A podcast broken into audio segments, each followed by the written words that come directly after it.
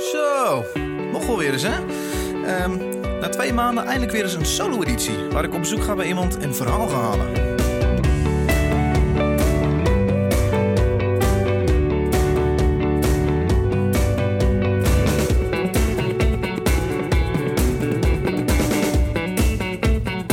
Check, check. Zo, daar zijn we weer. Na twee maanden van eh, voornamelijk kroegedities, festivaledities... eh, is het eindelijk weer eens tijd voor een solo-editie... waar ik solo naar iemand toe ga om een verhaal te halen. Ehm, ja, het was een samenloop van omstandigheden. Een luisteraar eh, mailde mij met de vraag... komen er überhaupt nog wel solo-edities... of ben je zo blij met je kroegeditie dat je dat blijft doen? Nou, die blijven er zeker gewoon komen. Alleen eh, liep het even anders. Voor we beginnen moet ik even kwijt dat een eh, hele vette ontwerper uit Rotterdam... genaamd Hello, I am Justin... een t-shirt heeft ontworpen voor Klap van de Molen, voor deze podcast. Dat is een shirt waarin hij de, de kroegeditie setting heeft nagetekend... op de rug van het shirt. Met allemaal spannende rituelen daaromheen. En op de voorkant heeft hij de, de, de klassieke radiomicrofoon op de borst getekend... eh, met daarboven Klap van de Molen podcast.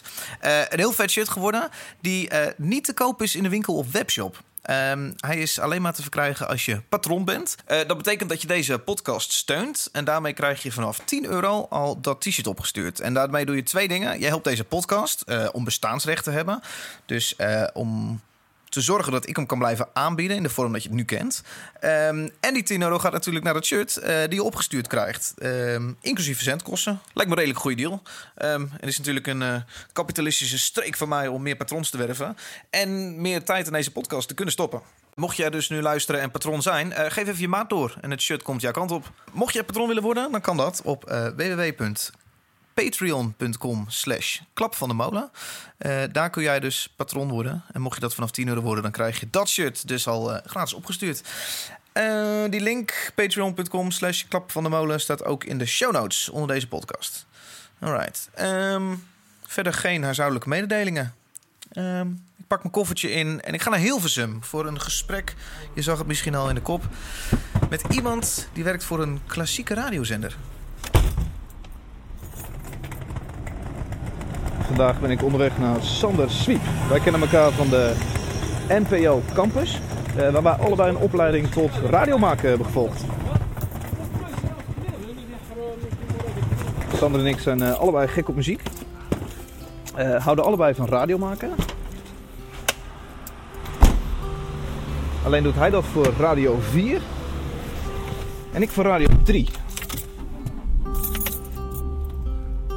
En ik ben wel benieuwd vandaag wat nou de grote verschillen zijn tussen radio maken voor 3FM en radio maken voor Radio 4.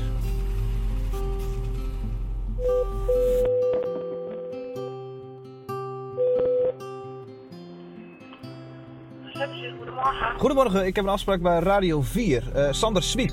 Dankjewel. What do you do when you're no longer cool now? No longer the singer of the band. But your face is alright for the radio. Go fishing and drinking and listen to the show. This is the soundtrack for tequila. With the sun on your face in your pickup truck. Grab your moonshine and whiskey and fire up that grill. You're listening to Hit from the Windmill. This is a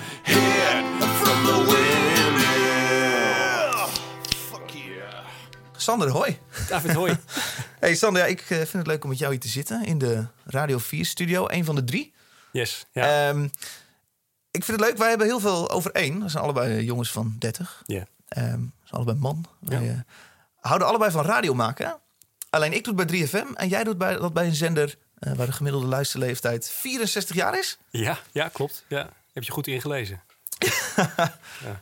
Ja, het is, eh, ik moet me altijd verantwoorden, heb ik het gevoel, nu al zelfs. Als ik bij de kapper ben en ze vragen, nou, wat doe je voor werk? En dan zeg ik Radio 4. En dan kijken ze je schapenachtig aan en dan zeggen ze, is dat, eh, ja, wat is dat? Is dat eh, jazz of zo? Ja, ik hoor ook wel eens, is er een Radio 4? Ja. Dat, is heel, dat is heel gek om te Oh, horen die hoor ik ook zeker langs eh, komen, absoluut. Dus ik heb nu een sticker op mijn auto geplakt met NPO Radio 4. Dus ik probeer op die manier op de snelweg ook te evangeliseren. Dus Oh, ik ja. ben altijd aan de linkerkant langs. Oh, je bent echt een zendeling. eh. Ja, precies. Zenderling. Ja, ja. zeker. Ja. Hey, eh, ja, zeg eens, hoe komt dat? Hoe, hoe, hoe komt een jongen van 30 bij een, eh, ja, dat is een goede een vraag. zender als deze? Ja, het is niet zo dat ik echt altijd hardcore klassiek eh, heb gedaan. Want eh, ja, ik heb ook grote liefde voor pop. Ik heb Ja. ook een poosje bij Kicks eh, radio gemaakt en Ja. in bandjes gespeeld. Dus niet klassieke bandjes, maar gewoon echt indie rock. Uh-huh.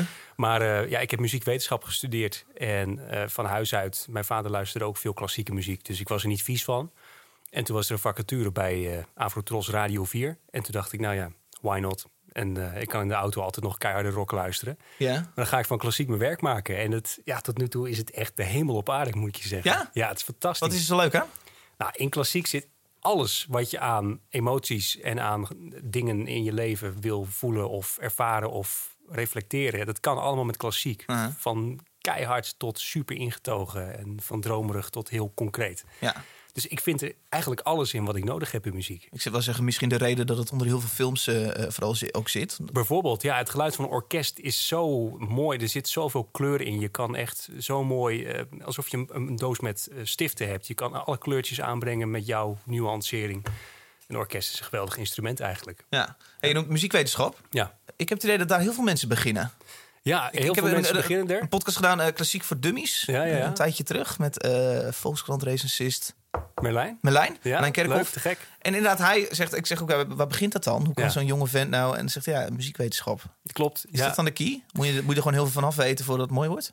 Het- nee, abso- oh, goed dat je dit zegt. Nee, absoluut niet zeg. Het is eerder omgekeerd. Eh, hoe meer je ervan af weet, hoe verder je van het pure luisteren raakt. Hoe meer je een snop wordt. Ja, nou precies. Ja? Oh, mensen toch. Ja, ik ben jaloers op mensen die zeggen... eh, de Matthäus, oh, die heb ik nog nooit geluisterd.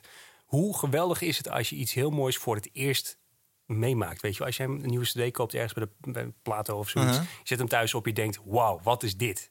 Dat je gewoon even stilgezet wordt in de tijd. Dat zijn de mooiste momenten. Kijk, als je muziekwetenschap hebt gestudeerd... ja, dan heb je al die schoonheid geforceerd, eh gedwangvoerd gekregen. Ja, weet je wel? We gaan nu de negende van Beethoven analyseren. Ja. En eh, ja, dan, dan gaat die, die, die magie er wel een beetje vanaf. Ik heb eh, een paar jaar geleden de Matthäus Passion bijgewoond. En ik weet dat ik toen het vooral ook een beetje gek vond. Ik vind Duits niet zo'n mooie taal. Eh, eh, dat, dat, dat, die opera-achtige Ja. klassieke zang. Ja, ja. Ook wel gek. Ja. Ja, die uitspraak is gewoon heel lelijk. Het is gewoon dan, dan Duits. Eh, toen kwam ik erachter. Ik heb laatst een podcast geëdit over de Matthäus Passion. Dat was een klus voor het Algemeen Dagblad. Ja. Ehm, en toen leerde ik iets meer over wat de bedoelingen van Bach waren met... Nou, op een gegeven moment hoor je, hoor je violen heel heftig gaan. Dat schijnen dan de geestelingen, de, de, de van Jezus te zijn.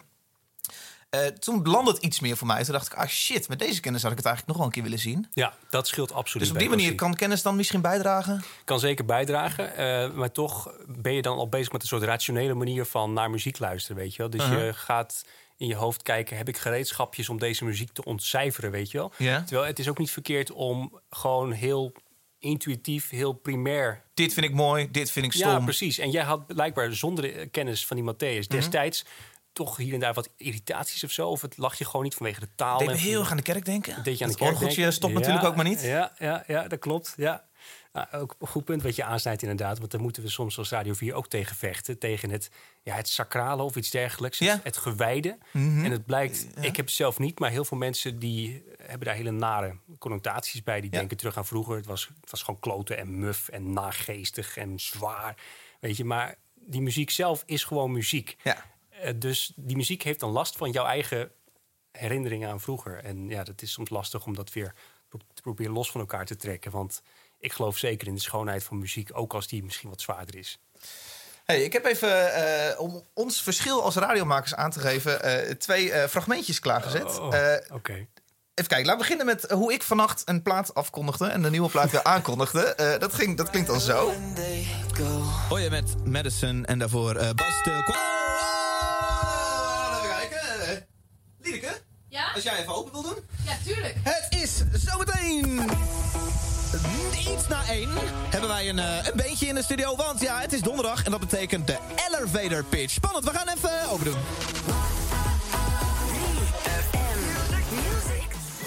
Erg confronterend om terug te horen op de vroege man, ochtend. wat een sfeer, Eh, jongen. Dit is hoe jij eh, eh, deze week, eh, eh, ja, hoe, hoe jij een plaat af en aankondigde. Achtereenvolgens hoorde je Gene Kelly zingen dat hij eh, in de regen aan het eh, zingen was. Ja, dat is mooi hoe je met regen om kan gaan. En daarnet muziek van de regen in de drup. Aquaman. Het was van de soundtrack van die eh, Hollywood blockbuster van afgelopen najaar. Gecomponeerd de muziek door Rupert Gregson Williams. Eventjes naar een heel ander continent. Elke week eh, ga ik even de grens over met een opname uit een van de concertzalen in de rest Het duurt wel even, of niet? Ja, dit is... eh, dit is eh, ja. ik denk, Oh, boy. wat was die eerste gast? Een fucking clown. En ik denk daarbij ook, wat was die tweede gast? Een dominee. Ja, ja, ja. ja, ja. Hoe, hoe hoor jij dit? Ja, exact hetzelfde eigenlijk. Ja. Wereld van verschil, hè? Ja, absoluut. Ja, zeker weten. Ehm, ja, ik word er stil van. ja, het is ehm, een hele goede vraag waarom ik niet zoals jij afkondig en jij niet zoals ik. Maar het heeft in de eerste plaats wel met de muziek te maken. Ehm, als ik een hele mellow plaat of een, tenminste een heel introspectief stuk muziek heb geluisterd als luisteraar. En daarna gaat er iemand helemaal stuiteren in, eh, als, als DJ of als, als eh, Ja, presentator. Ja, maar dat klopt gewoon niet, weet je. Nee. Het is gewoon een contrast. Het, het is alsof die gast niet heeft geluisterd naar wat hij heeft uitgezonden. En eh, ja, dit was dan wel een hele bedeesde afkondiging van mij. Dus, ja. eh, Ja, dit is voor mij hoe Radio 4 vooral Ja, klinkt in mijn hoofd. Die bedeesde. En dit was inderdaad mijn eh, zondagavondprogramma. Dus ik ben ook bewust een beetje mellow, weet je wel. eh, voor de mensen die nog een beetje aan het spacen zijn in het weekend. Of gewoon die aan het eten zijn. Spacen? Oudjes die aan het spacen Ja, zijn? nou ja, spacen zonder eh, opiaten of zo. Maar gewoon spacen op een eh, weekend emoties, weet ik veel. Ja. En vergis je niet, hè, je zegt oudjes. Ja, de gemiddelde leeftijd is 64. Maar er zijn ook heel veel 50ers, 40ers en 30ers. En zelfs mijn eh, schoonfamilie, eh, mensen van, eh, van 15 tot en met 20 die dat doen. Dus ja, ja eigenlijk komen we bij heel veel mensen binnen. Maar ja, ik... met dit voorbeeld in mijn achterhoofd zou ik proberen voortaan nog iets eh, meer gas te geven. Ja. Nee, helemaal niet. Ja. Dat is helemaal niet mijn insteek van eh, Ja, het feit dat ik deze fragmenten laat horen.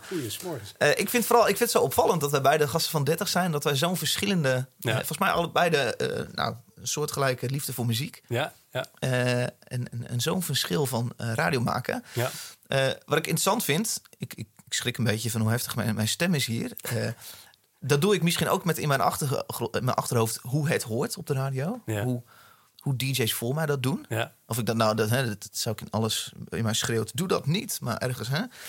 Eh, ik kan me zo voorstellen dat jij dat ook in je achterhoofd hebt. Want dit is hoe het hoort op Radio 4. Ja, nou moet ik zeggen, wij zijn wel eh, een soort van eh, opgeleid om dat eh, niet al te veel met ons mee te sjouwen, zeg maar. Het is niet het idee dat wij het doen zoals de voorgangers het ook doen, Ja. om die reden. Nee, natuurlijk niet. Een goede reden is omdat het fijn radio oplevert, maar het moet wel zijn wie, je, wie jij zelf bent, weet je wel. Wat, wat voel ik bij die muziek, wat voel ik bij dit moment? Hoe gaat het nu klinken? Ja, dat moet dan of Sander zijn of ik noem een app of een eh Jet Karin hiernaast een met Jet haar is- show. is nu Ja. bezig met de show Ja.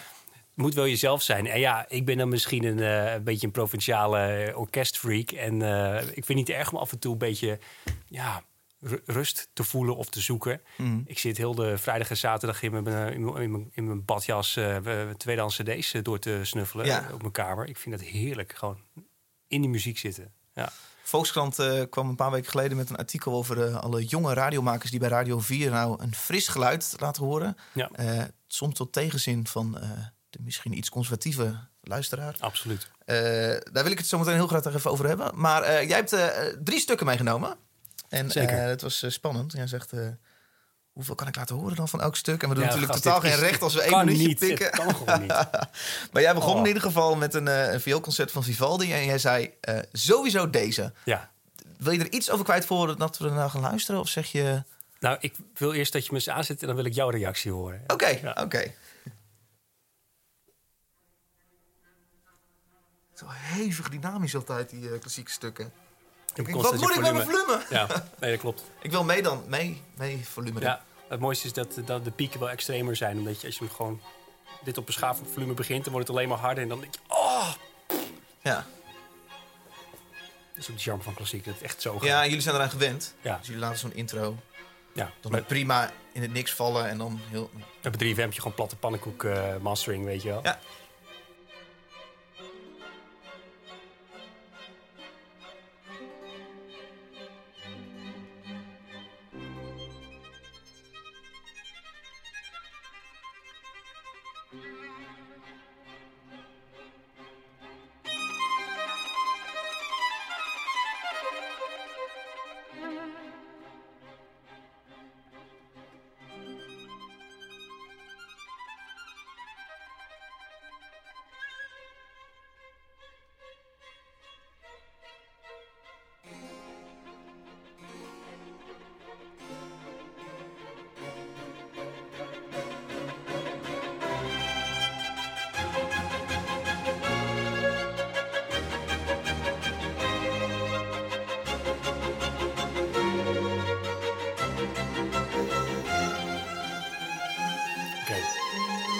Was wel de essentie van het moment. Ja, oké, oké. Ja, ja. Eh, Vivaldi horen we. Zeker. Ja. uitgevoerd in, eventjes helemaal af. Uitgevoerd in F klein. Door het Engels Kamerkoororkest. Doe ik dit goed? Op Radio 4 manier? Welke solist hebben wij gehoord? Ik praat überhaupt al door de muziek heen. Hè? Dat, dat is natuurlijk al... eh, Nou, nee, maar Vloek, dat, nou, nee, maar dat doen wij soms ook, gast. Dat doen we elke dag. Oké, Ja, oké. Als het eh, nodig is eh, qua tijd of gewoon qua vibe. Ik had de solist nog even moeten noemen. Ja, eigenlijk Dus ja. de, dat betekent de, de viool die ik nu hoor, dat is de eerste violist. Of nou ja, Ja, ze nee, zitten goed. met z'n vieren of vijven. Deze kerel met een hanenkam die bracht gewoon deze cd uit... en heeft erbij gespeeld met een orkest. Maar hij zelf is belangrijk en zijn naam is Nigel Kennedy. Oké, Ja. dat is essentieel dat ik dat noem. Nou ja, niets, niets hoeft of moet, weet je. Dat is het probleem met klassiek. Mensen denken van al die informatie... en je moet het in een bepaalde volgorde zeggen. Nee, helemaal niet. Tuurlijk niet. Nee. En toch is dat waar ik vaak dat een beetje afhaak. Dan hoor ik zo'n afkondiging en denk wow, echt de hele 10 seconden afkennen. En dan ik heb gehoord, Ja, ja, me ja. niks. Ga ik niet onthouden. Nee, we het maakt me niet uit dat het, in welke eh, sleutel het is eh, uitgevoerd. Nee, dit is ook helemaal waar. Het enige probleem is eh, dat eh Sjaak de componist misschien 50 symfonieën heeft geschreven. En hoe hou je ze anders uit elkaar? Je kan niet zeggen, dit was Sjaak's symfonie. Ja, Nee. Ja. Als je het nog eens eh, op Spotify na wil zoeken of zoiets, dan zeg je gewoon symfonie nummer 25. Maar we praten nu over de theorie. Eh, Jij hebt dit stuk natuurlijk Ja, uit. sorry, je wat- sowieso deze. Ja, ja wat, wat, wat vond jij hiervan? Nou, wat ik lekker vind, is dat het... eh, eh, mag ik staccato zeggen? Ja, zeker. dat het staccato is. Ja. Dus het doet... En dat is voor mij eh, als eh, toch fervent eh, metalhead... Mhm. is, dat, is dat erg lekker. Ik krijg zin, ik kan het moeilijk uitbeelden voor de podcast... maar ik krijg zin om mijn hoofd Ja, tu, tu, ja. tu, om mijn hoofd zo mee te bewegen heftig. Precies. Dat vind ik heel lekker. Eh, ik ben natuurlijk niet helemaal nieuw met klassiek. Ik vind eh, de, dit de vier seizoenen van Vivaldi. Ja, helemaal goed. Ping, Ik, ben, ik hou er erg van. Dat is mijn favoriet van mijn opa. Eh, en dit is winter, ja, heb ik gelezen ja. net. Ja, Ja, ja, heel goed. Ehm, ja, dat vind ik, erg, vind ik erg mooi. Ik vind het heel vriendelijk in het gehoor liggen. Dus dat, dat vind ik lekker. Ja. Nou, het gek. Je bent eh, misschien eh, bewust niet al te negatief. Of eh, is dit echt gewoon een beetje... Nee, dit is, dit is bewust. Nee, nee als, het, als ik het kut had gevonden, had ik dat laten Nou, dat vind ik fijn dat je het zegt. Ja. Nou, precies. Eigenlijk mijn redenen zijn hetzelfde. Ook ja, omdat ik zelf ook wel heel erg metal-liefhebber ben en popliefhebber. Dat ritmisch, weet je wel. Sorry, ook een Roland drumcomputer doe ik nu even na. Ja. Dus een beetje die beat zit erin. Dus het is heel erg gepulseerd. Ja. En wat zo te gek is, dit is al 300 jaar geleden geschreven. En het klinkt nog steeds als muziek die wij snappen, weet je wel. Je snapt dat- welke akkoorden er worden gespeeld. Je snapt dat het in een bepaalde maatsoort is. Je zou mee kunnen drummen. Doe ik vaak thuis ook met mijn synthesizer. Gewoon tjak, tjak, poem, Oh ja? Ja, zeker. Je kan hier gewoon zo heerlijk op jammen. En ja, dat vind ik gewoon prachtig. Het is heel iets anders dan een, eh, dan een standaard rockbandje. Ook super, super lekker. Maar Vivaldi rockt voor mijn gevoel net zo hard. Als je dit live meemaakt, bam. Dit is echt, hier wordt gewoon zo'n bass gedropt. Je hoort geen bass, maar... Ja. Daar komt hij. Ja. Flats. Ik vind het soms Heerlijk. storend hoe dynamisch eh, een klassiek liedje is. Ja. een klassiek liedje. Dit klinkt zo wel als Nee, vloeken. nee, Oh. een klassieke compositie is. Eh, het, het, het, het is zo moeilijk, met name als je een podcast produceert. Ja. is zo moeilijk hoe je dan dat in de montage doet. Want ja, eh, je zegt, eh, hier komt hij dan. En dan valt hij zo dood. En dan is hij een minuut lang vrij dood qua volume. En dan gaat hij bij zo keihard. Dan denk je, oh shit, dan moet ik hem eigenlijk weer zachter. Dan heb ik de neiging om het begin harder te trekken. Ja. En het einde zachter. Moet Nou, ik dat een doen? compressor overheen, jongen. Ja, een dikke Moet ik dat wel of niet doen? Als jij het lekker vindt klinken, moet je het doen. Eh, op onze zender zit er altijd ook een klein beetje limiting en eh, maximizing in. Maar eh, om het echt het volle effect te hebben van zo'n van zo'n bass drop, weet je wel, wat ik Ja. net bedoelde, dan heb je juist ook die dynamiek nodig. Dat het heel klein Een begint. bassdrop noem je het ook echt. Ja, nee, ik- de- hij zit er niet in, maar ik hoor hem in mijn hoofd, weet je wel. Er, er wordt naar iets toegewerkt. Het is net alsof Chesto met zijn eh ja, ja, precies. Sampletjes eh, toewerkt naar het moment dat die dikke bass erin komt. ja, het moment dat je kan gaan dansen. Ja, nou dat. Ja. Ja. Ja. Eh, laatste over dit stuk. Eh klaversymbol hoorde ik en daar ben, ik niet zo, ben ik niet zo fan van. Nee, Mijn hoofd maakt bij klaversymbol toch bruggetjes naar... Wow, saai. Muzieklokaal vroeger, stom. dat is interessant. Want dat is dus bij jou een individuele herinnering aan vroeger. Zeker, zeker. Net zoals dat ik orgel dus associeer met, met verplicht eh, Ja, ja, een rolletje ja, pepermunt opmaken in anderhalf uur. Ja, ja, Doodse verveling. ja, ja, ja. Hey, eh, ik, ja, ik vond het leuk om jou te spreken naar aanleiding van een eh, artikel wat ik las in Volkskrant. Ja. Waar jullie dus met een, eh, een viertal... eh eh, als ik met jou praat probeer ik zo gedragen mogelijk te Ja, spreken. maar gast, dat hoeft echt niet Ja, hoor. dat Ik komt ook door deze lekkere ruimte misschien. Ja, we zitten ook zo, zo braaf aan een eh, nette tafel. Ja, precies. Tegenover elkaar. Ehm, eh, eh, ja, j- jij werd geïnterviewd met een, eh, viertal Ja. eh, jonge Radio 4 eh, ja, radiomakers. Ja. Ehm, Carine en Christian. Ja. Ja, eh, ik hoorde jullie daar spreken over... wij willen graag een frisse wind laten waaien op de zender. Eh, vaak tot, eh, nou ja, tot balens toe van de luisteraar. Wat is die frisse wind? Wat doen jullie anders? Ehm, nou, je hebt zelf al een paar keer benoemd van eh, ja, die afkondigingen zijn zo anders dan wat ik bij 3FM doe. En eh, ik voel me een soort verplicht om heel formeel met jou te gaan praten. Nou ja, dat hoeft dus helemaal niet. Nee. Eh, ik ervaar muziek net als jij. Daar geloof ik heilig in. En toevallig is het bij mij dus heel vaak muziek, klassieke muziek, eh, waar ik naar luister.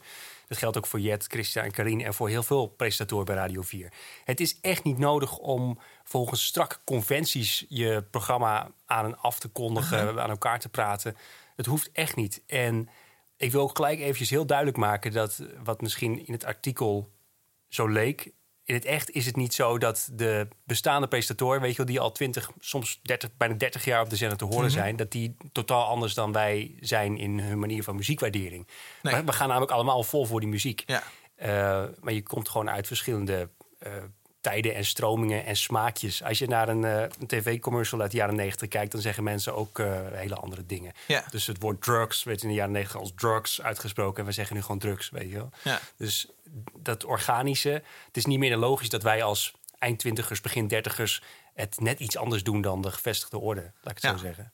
Jullie eh, brutale vlegels begonnen met het eh tutoriëren van de, de luisteraar. Dat was wel een ding. In plaats van u hoorde een stuk van, zeggen jullie je, hoorde. een stuk. Zometeen heb ik voor je. Ja, Ja. zeker. Ja, daar kregen jullie nogal wat, eh, wat Ja. gedoe over. Ik zag, ik zag Ja. een paar reacties als... eh, eh, we hebben niet met elkaar op school gezeten. En Ja. ga lekker popiopie doen op Hilversum 3. Ja, ja, ja, ja. Nou, dus dat geldt voor een deel van ons ja, publiek, wil ik zeggen, voor een deel van onze luisteraars. Die verwachten een soort respect als ze Radio 4 aanzetten. En dat respect moet hem dan zitten in de aanspreekvorm.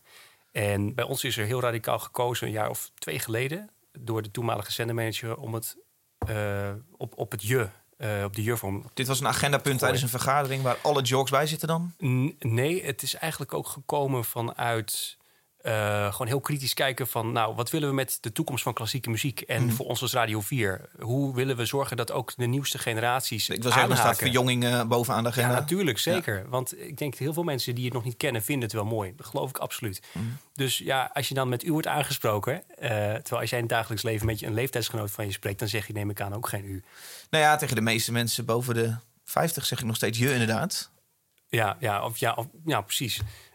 Het, maar blijkbaar zijn er heel veel luisteraars van Radio 4 die dat eh, beschouwen als een soort aanval op, op hun persoon. Die, die zich eh offended, hoe zeg je dat? Beledigd voelen Ja, ja. als ik eh, zeg: eh Goedenavond, leuk dat je luistert. Ja. Terwijl wat ik bedoel is, wij gaan nu samen genieten van muziek. En ik hier in Hilversum en jij waar jij woont. En of jij nou 60 plus bent, of 30 of 15, maakt mij niet uit. Ik vind het fijn dat je luistert. Ja. En je, net als in het Engels, you are most welcome, weet je wel. Dan, dan kan you net zo goed u zijn. Dus die Ja, relativiteit het, vind ik... Vind ik ook dat in de Engelstaal er geen onderscheid bestaat tussen u en je. Ja, of thou, zeiden ze vroeger. Oh ja, maar oh tegenwoordig, tegenwoordig eigenlijk niet meer. Dus Nee, precies. ik vind het een, eh, een vrij... Ik vind het erg jammer dat het voor veel mensen zo'n groot ding is. Eh, eh, en dus wil ik benadrukken dat respect zit hem voor mij niet per se in de aanspreekvorm. Nee. Nee, dat respect hebben wij bij voorbaat. Want mensen luisteren naar ons. Dat is toch fantastisch? Dit was eh, zelfs reden om eh, doodsbedreigingen richting het adres van Radio 4 te sturen. Eh, ja, die heb ik zelf niet meegemaakt. Jij hoeft je geen zorgen te maken.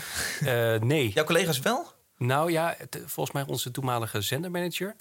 Ja. En ehm, ja, dat, dat is natuurlijk buiten elke proportie. Dat, dat, je verwacht het toch ook niet bij een radiostation. En echt insane. Maar ik, vond, ik, nee, vond de uitleg die ik daarbij las van de zendermanager... Ja. vond ik dan best wel interessant. Die zei, ehm, we hebben met een luisteraar te maken die zich eh, ook... misschien net als andere radiostations... maar identificeert met de muziek, met de zender... En eh, daardoor best wel geraakt wordt als er dingen veranderen. eh. Ja, daar heb je inderdaad het, het fundamentele punt. Verandering wordt niet heel erg gewaardeerd door een, een bepaalde groep. En dat is dan de groep die ook flink van zich laat horen als er wordt veranderd. ja. En nou is het voor ons natuurlijk de last dat we niemand willen ver- distancieren van ons station. We willen het iedereen naar de zin maken. Ja. Maar dat kan helaas niet. Ja.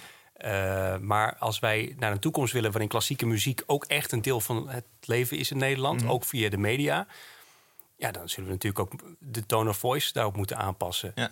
En aan het begin hadden we het erover, ik voel me ook een beetje een zendeling. Nou ja, een zendeling moet natuurlijk ook zorgen dat de boodschap goed eh, wordt verpakt. Hè? Weet je wel, de medium is de, de message Ja. eh, in veel gevallen.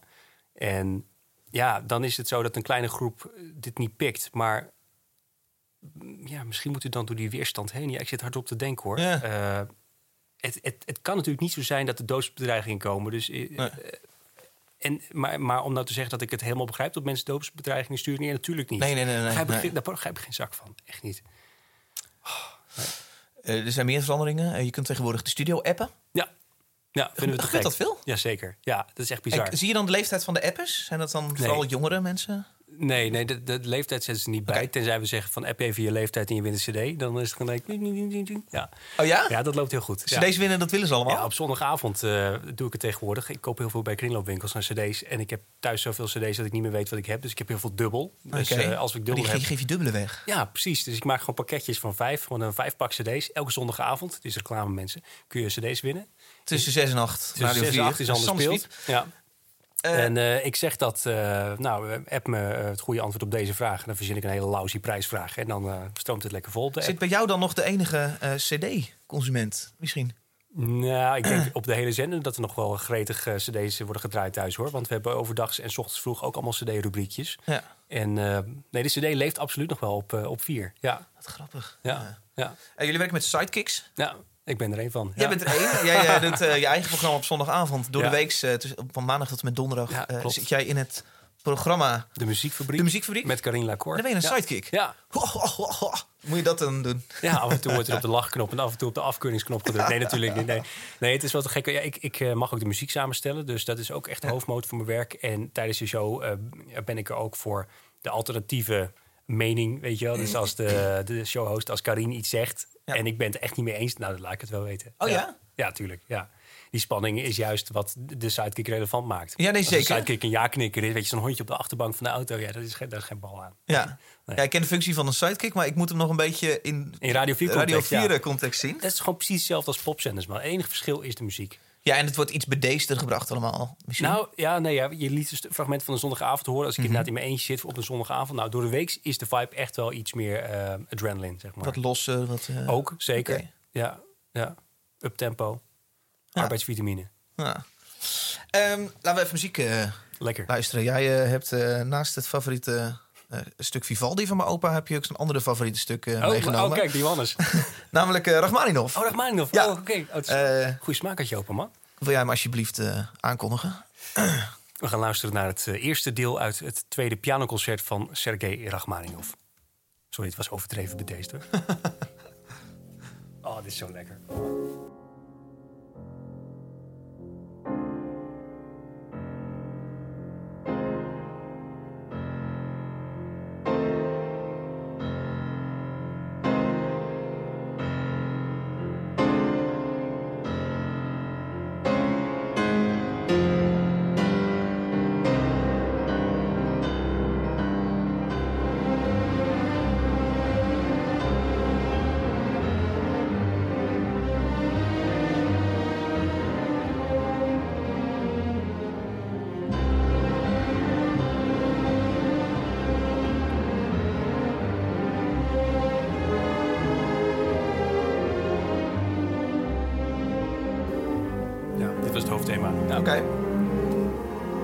Wat, eh, wat hebben we gehoord?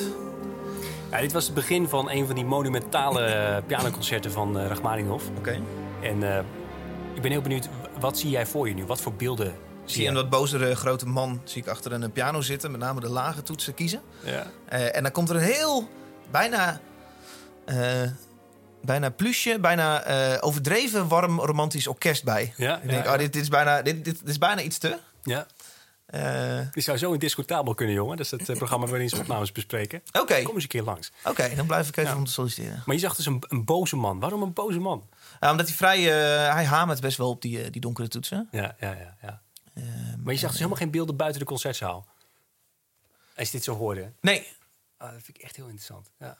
Ik zie gelijk een, eh, Siberische, Ja, Russische, ja, eh. Siberische sneeuwvlakte met wat eh, lege vrachtwagens en Ja. de vallende duisternis. komt het ook omdat je weet, Rachmaninov is een Rus. En, Zeker, ik zie ook helikopters, want ik weet dat hij Sikorsky helikopters heeft opgericht met zijn geld. Weet je, tuurlijk, dan helpt een beetje achtergrondkennis wel. Ja. Maar ook los daarvan, je hoort het is weer mineur, pam, pam, pam. Weet je wel, het is een Uh-huh. beetje, het heeft iets melancholisch, iets, iets zwaars, zeker. Maar ook daarmee het drama, weet je wel. Dat, er wordt zo'n, voor mij heel concreet gevoel neergezet. je, je, je- noemt het boos, daar ga ik ook straks even over nadenken. Voor mij is het gewoon heel eh, resoluut, zeg maar. En of het nou resoluut is van wanhoop of van, van verdriet of van boosheid... dat kan nog alle kanten op bij de luisteraar. Ja. Maar ja, ik ben echt gek op die romantische pianoconcerten. Eh, romantisch niet als in Bloemetjes en Valentijn, maar als in eh, die periode, 19e eeuw... was deze sound gewoon heel erg in de mode. En Is dit, eh, eh, hoe heet deze periode? Is het de romantische? eh, de romantiek. De romantiek, ja. Ja, Ja. zeker. Dus grofweg 1820 tot, tot 1910. Toen de moderne periode aanbrak? Ja, precies. Toen gingen mensen experimenteren met kapotte piano's en, eh, en dan eh, gekke vallende huishoudapparatuur. maar dit was nog echt met een orkest. Jij noemt het een heel zoet orkest, maar inderdaad... Of noem het behapbaar? Ja, het ja precies. Het is tonaal. Je snapt nog wat er gebeurt. Je zou het eventueel kunnen naspelen op een piano als je wat aanleg hebt. Maar eh, ja, ik ben echt een sucker voor dit soort... eh, ja, noem het zoet, noem het eh, zwaar. Oké, ja. Het, ja, ik vind het geweldig. Ben je dan ook een Backstreet Boys fan? Ik, ik ga er niet omheen draaien. Ik ben heel erg fan van de producer Max Martin bijvoorbeeld. Ja. Vind ik fantastisch hoe hij met zijn receptuur gewoon pophitjes kan maken. Natuurlijk is het aalglad en eh, heeft. Ja. het weinig spoel en is het niet rauw. Maar Dan ook durf dat jij is een- jezelf overheen te zetten. ja, maar ook dat is een ambacht. Ik vind het te gek. Ik heb ook een poos eh, mezelf verhuurd als arrangeur voor volkszangers en zo. En dan staat het eindproductje misschien niet aan omdat het niet jouw smaak is. Maar het is wel volgens een recept gemaakt. En dat geldt ook voor zo'n pianoconcert. De pianist, in dit geval is het natuurlijk niet Rachmaninov. Ja. Eh, hij is wel ook pianist Rachmaninoff zelf Ja? was een van de beste eh, die de wereld gekend heeft volgens verhaal. en componist. Dus hij heeft ook dit hele stuk, heeft de, de, de rest, alles voor de strijkers geschreven. Precies, ja. Eh, ja, mijn opa sprak altijd enorm met liefde over hem. Eh, ik zie diezelfde liefde bij jou. Ja. Kun je mij in drie zinnen vertellen waarom Rachmaninov zo bijzonder dan is? Nou ja, wat Rachmaninoff bijzonder maakt... eh, net als heel veel andere componisten, hij was ook gewoon een mens, weet je. En Ja. Rachmaninoff heeft het enorm zwaar gehad. Die is enorm aan eh, kritiek ten, eh, ten onder gegaan. eh, vrij vroeg in zijn carrière. Een van zijn werken is heel erg neergesabeld. Toen was hij enorm depressief geworden. Oké. En toen is hij daar wel bovenop gekomen met hulp van een hypnotiseur. Dat ging toen nog eh, lekker old-fashioned met zo'n eh dinges voor je hoofd, weet je wel. Wauw. Als ik in mijn vingers knip. Ja. En daar is hij dus uitgekomen. En toen heeft hij, Pam, een... dat moeten we zo meteen eventjes eh, checken hoor. Volgens mij is dat dit stuk geweest. Oké. Toen heeft hij een pianoconcert ges- geschreven. Dat noem ik eigenlijk zijn comeback concerto. Eh, daarmee liet hij zien, ik ben er weer. Het heeft me alleen maar sterker gemaakt. Ja. En vervolgens is hij gewoon naar Amerika gereisd. Hij is gestorven in Beverly Hills, als ik het goed heb. Heeft een rijke mansion. ja, nou absoluut. Zeker. En hij heeft dus, eh, was financier van een eh, helikopterfabrikant. Dus de man heeft het enorm gemaakt. Maar is door alle dalen van het leven heen geweest. Ja, ik vind het geweldig. Het is, ja, wat, eh, wat hij me, eh, in gevoelens, eh, wat hij aan gevoelens in muziek kan uitdrukken, dat is, dat is heel groot. Ja. Alle stukken die jij hebt meegenomen zijn geschreven door mensen die overleden zijn. ja, ja. klopt, Dat ja. is eigenlijk, volgens mij, het grootste deel van wat ik op Radio 4 hoor, is gemaakt door Ja. mensen die niet meer zijn. Ja. Eh, betekent dat dat er nu geen grote componisten zijn? Of betekent dat dat grote componisten pas 100 jaar na hun dood erkend worden als grote componisten? Ik vind het een hele, hele goede vraag. Eh, natuurlijk zijn er nu nog heel veel frisse nieuwe componisten. Misschien zelfs wel meer dan eh, twintig jaar geleden. Of misschien ook door de digitale tijd dat ze ook via Twitter en Facebook het brede publiek weer goed kunnen bespelen. Zo wordt er tegenwoordig heel veel mooie koormuziek geschreven. En ook. Bijvoorbeeld nieuwe pianomuziek, minimal muziek van eh, eh, bijvoorbeeld wat uit Amelie is gekomen, maar nu dan door Hugh Beving of zo eh, wordt gespeeld. Spotify is een enorme hit.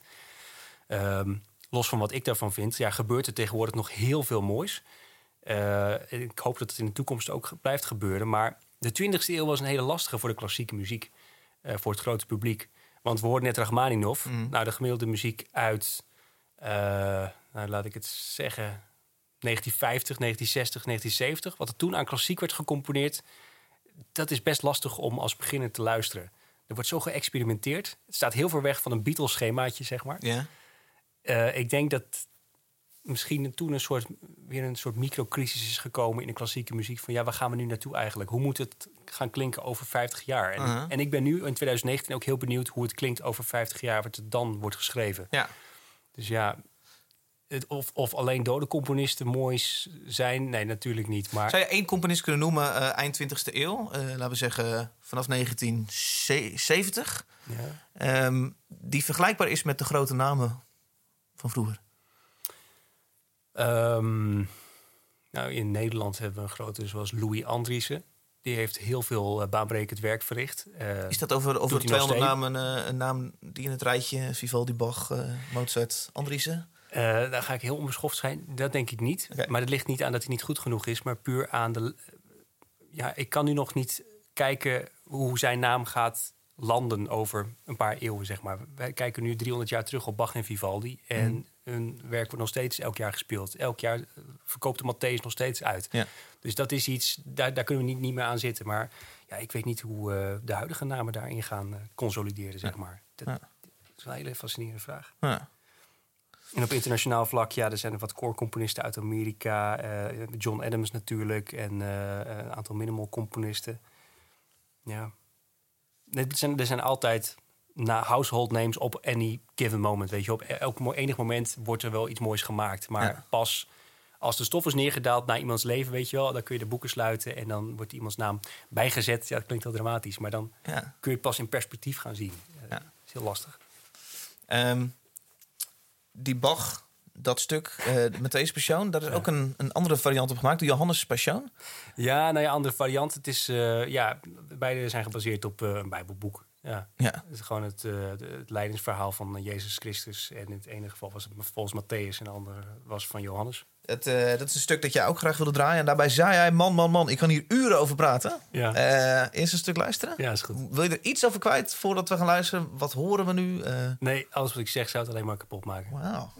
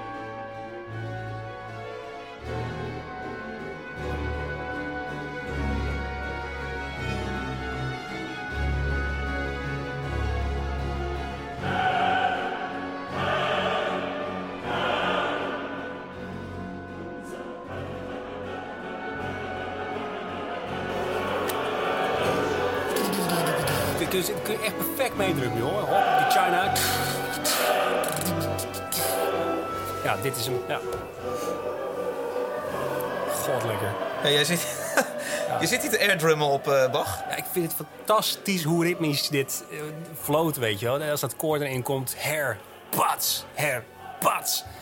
Eh, ja, ik vind dat onovertroffen. Sorry dat ik het zeg. Ik ben heel, heel erg duidelijk erin. Bach is voor mij de allergrootste. Oh ja? Ja, niemand is hier tot nu toe overheen gegaan. Waarom? Hoe hij alle Lego-blokjes in zijn muziek in elkaar heeft gezet, dat heeft iets wiskundigs. Het klopt zo erg. Je kan het niet goed benoemen, maar je hoort ergens dat het klopt, zijn muziek. Zeker. En toch raakt het je ook op een emotionele manier. Tenminste, mij raakt het, eh, raakt het heel direct. Het is alsof je eventjes eh, direct op de Matrix wordt aangesloten, zeg maar. Pats, dit is hoe muziek op zijn allermooist kan flowen. eh, Op zijn allermooist eh in één kan grijpen. Alle instrumenten die, die hij in, een compositie bedenkt. Alle stemmen, alle stemlijnen, zeg maar. Dat is echt de kunst om dat mooi te laten eh, lopen. Dus de, de flow is mooi, het ritme klopt... en de harmonieën zijn oh, ja, out of this world. Ja, sorry. Dit is voor mij het bewijs van inspiratie. Eh, als iemand echt geïnspireerd is, dan komt hij met dit soort eh affe producten. Dat, het, het klopt van begin tot eind. Wat zijn de elementen dan? Is, is hij gewoon zo geniaal in hoe hij iets... Dat hij zegt, die strijkers gaan nu de blazers complementeren en, en dat doet hij perfect? Of is het dat hij de, zijn de, de lijntjes, die, de melodielijnen die hij verzint... Is dat dan zo, zo gaaf? Eh, ja, het is een combinatie van factoren. Want ja, eh, zoals een andere componist zei... what's wrong with a good tune? Eh, klassieke muziek mag ook gewoon lekkere melodieën bevatten. Mhm. Nou, dat, dat doet Bach ook. En in zijn openingsscore zorgt hij dat het koor allemaal akkoorden zingt, zeg maar. Dus het is een, heel harmonisch geheel. Alleen het is ook nog eens ritmisch tegelijk. Nou, dat is al knap als je dat mooi kan laten samengaan.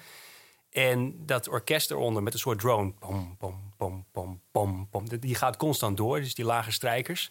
Dat zorgt dan voor een soort suspense, een soort spanning. Nou, dit heeft hij geschreven voor een, een publiek als ware het een soort opera al van een letter, weet je wel. Dus hij wilde dat verhaal vertellen en uitbeelden. Nou, hier zorg je dat het publiek echt zo denkt van... oké, wat gaan we krijgen? Dit is echt... Dit wordt niet zomaar een verhaal. Dit wordt echt iets duisters of iets, iets spannends, iets intens in ieder geval. Dus hij is op een hele ambachtelijke manier bezig om iets heel veel maakts neer te zetten. Ja, het, het- onder de streep blijft het ongrijpbaar wat, wat dat precies is. Dus ik kan je niet zo'n recept Het is geven. natuurlijk elke, elke, elke zondagavond te horen bij... eh, Nee, daarvoor is er te veel eh, andere mooie muziek geschreven. En eh, is het risico dat je het kapot speelt. Maar dat geldt denk ik voor elke muziekstroming. Als je Ja. elke zondagavond eh, de metal CD van Textures opzet, hoe mooi die ook is, dan... ah, als jij dit afkondigt, dan kun je toch je enthousiasme dan nauwelijks Ja. onderdrukken. Ja, absoluut, absoluut. En als ik me dan terugluister, dan denk ik van ja, daar heeft misschien Piet uit Groningen geen boodschap aan, want die heeft een hekel aan Bach. Ja.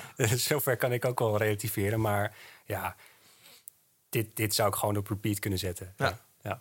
Ik vertelde op Twitter dat ik eh, hierheen ging. Radio 4. Het serene Radio 4 noemde ik het. En er kwamen een paar, eh, paar leuke vragen binnen. Eh, zullen, we ze, zullen we ze even doornemen? Ja, de vraagbaak. Ja. De vraagbaak. insert jingletje. Bas, Bas Langeberg zegt... ik ben benieuwd hoe ze klassieke muziek weer sexy willen maken... zodat er meer jonge mensen luisteren. Programma's met meer achtergrond of zo. Hebben we het natuurlijk al een klein beetje over gehad. Ja, ja. Ik deel mijn show op een bepaalde manier in. Ik heb daar zelfs wat hulp bij gehad. Namelijk op de NPO Campus. Dat is een radioschool. Waar ik jou ook heb gezien. Wij hebben klopt, eigenlijk dezelfde eh, radioopleiding gehad. ja. Ehm, ja, hoe- zetten wij ons draaiboek op de precies dezelfde manier in elkaar? Dat, ja, ik, ik, ik- dat denk ik ja, op meterniveau wel natuurlijk. Want je hebt muziek en je hebt spreeks daartussen. Ja. Maar waar gaan die spreeks over? Dat kan niet zijn wat je hebt meegemaakt. Eh, gewoon buiten Hilversum, buiten de radiocontext. Ja. Of het gaat over iets wat die artiest of die componist heeft meegemaakt... en wat je net hebt laten horen, zeg maar. Ja. Ik denk dat wij bij Radio 4 misschien iets vaker kiezen voor de inhoudelijke kant. Eh, en dat we op basis daarvan onze shows indelen. Al is dat nu al aan het veranderen hoor. Dus je hoort op Radio 4 overdag ook wel verhalen over... nou, eh, de brexiters of zo. Ja. Of op manifest staan de studenten te demonstreren. ja, wij zijn ook niet gek. Wij, weten, wij staan ook gewoon met onze benen in het hier en nu. Eh, maar sexy maken vind ik een hele goeie. Eh, want ik vind klassiek namelijk super sexy. Eh, het gaat er wel om wat je, wat je uitkiest. Net als in de pop heb je heel veel suffe, slappe muziek. Nou, dat heb je in, in klassiek ook. Ja. Dus wij, wij moeten inderdaad de sexy vruchten uit de, uit de fruitschaal Ja. serveren. Ja. Ben ik het helemaal mee eens. ja. Ehm, Maar het kan ook te ver gaan. Ja, een quote uit de Volkskrant, eh, uit het artikel waar ik het over had, was... We zijn echt niet ineens 3FM geworden. Het gaat nog steeds om de muziek. ja, dus Dan wat, ben je suggereert. ja, wat ik dus net bedoelde, inderdaad... eh, eh, los van het feit dat wij inderdaad eh 3FM ook een zeer warm hart toe- toedragen. Deze disclaimer geef ik even mee. Eh, dat wij... Je hebt kritiek gehad, hè? Dat, dat die artikel. Verschrikkelijk, man. Och, jongen, ik heb echt... Ik, die zaterdag de krant niet eens opengeslagen. Ik eh, zag online zoveel eh, haat langskomen... wat we echt niet hadden verwacht eh, Nee. en zeker niet hadden bedoeld. Omdat je een sneer geeft aan andere zenders? Of, eh, Eh, nou ja, zo is het blijkbaar door sommigen opgevat. Ja, maar het precies. was vooral eh, eh, binnen de eigen achterban eh, niet helemaal lekker gevallen. Omdat eh, uit het artikel niet genoeg bleek dat we ja, ook zeker respect hebben voor de mensen eh, waar wij ons aan optrekken. Dus die het al jaren doen. Ja. En, en hoe de grote der aarde hebben geïnterviewd en zo. Nou, ik, ik doe mijn pet daar heel erg voor af. Ik, Diepe buiging. Ehm, maar we hadden we het net over, over sexy maken. ja, de, de, de vraag Of, of, of je... meer inhoudelijk moest worden. Ja, je- je- nogmaals, jouw quote is... We zijn niet ineens 3FM geworden. Het gaat hier bij Radio 4 nog steeds over de muziek. Ja, Vind je dat het bij andere zenders soms te weinig over de muziek gaat? Ja, vind ik wel. Ja. Eh, ik luister in de auto, haha, sorry, maar zal ik het heel eerlijk zeggen? Heel vaak naar Radio 2 en ook naar Sublime. Ehm, Radio 2 omdat ik nu 30 ben en ik merk dat die muziek heel erg uit mijn puberteit eh, is. Mhm. Ja. Maar eh, daar gaat het heel vaak over de gezellige dingen des levens. Vind ik allemaal prima, maar soms ehm, mag het voor mij ook wel over de muziek gaan.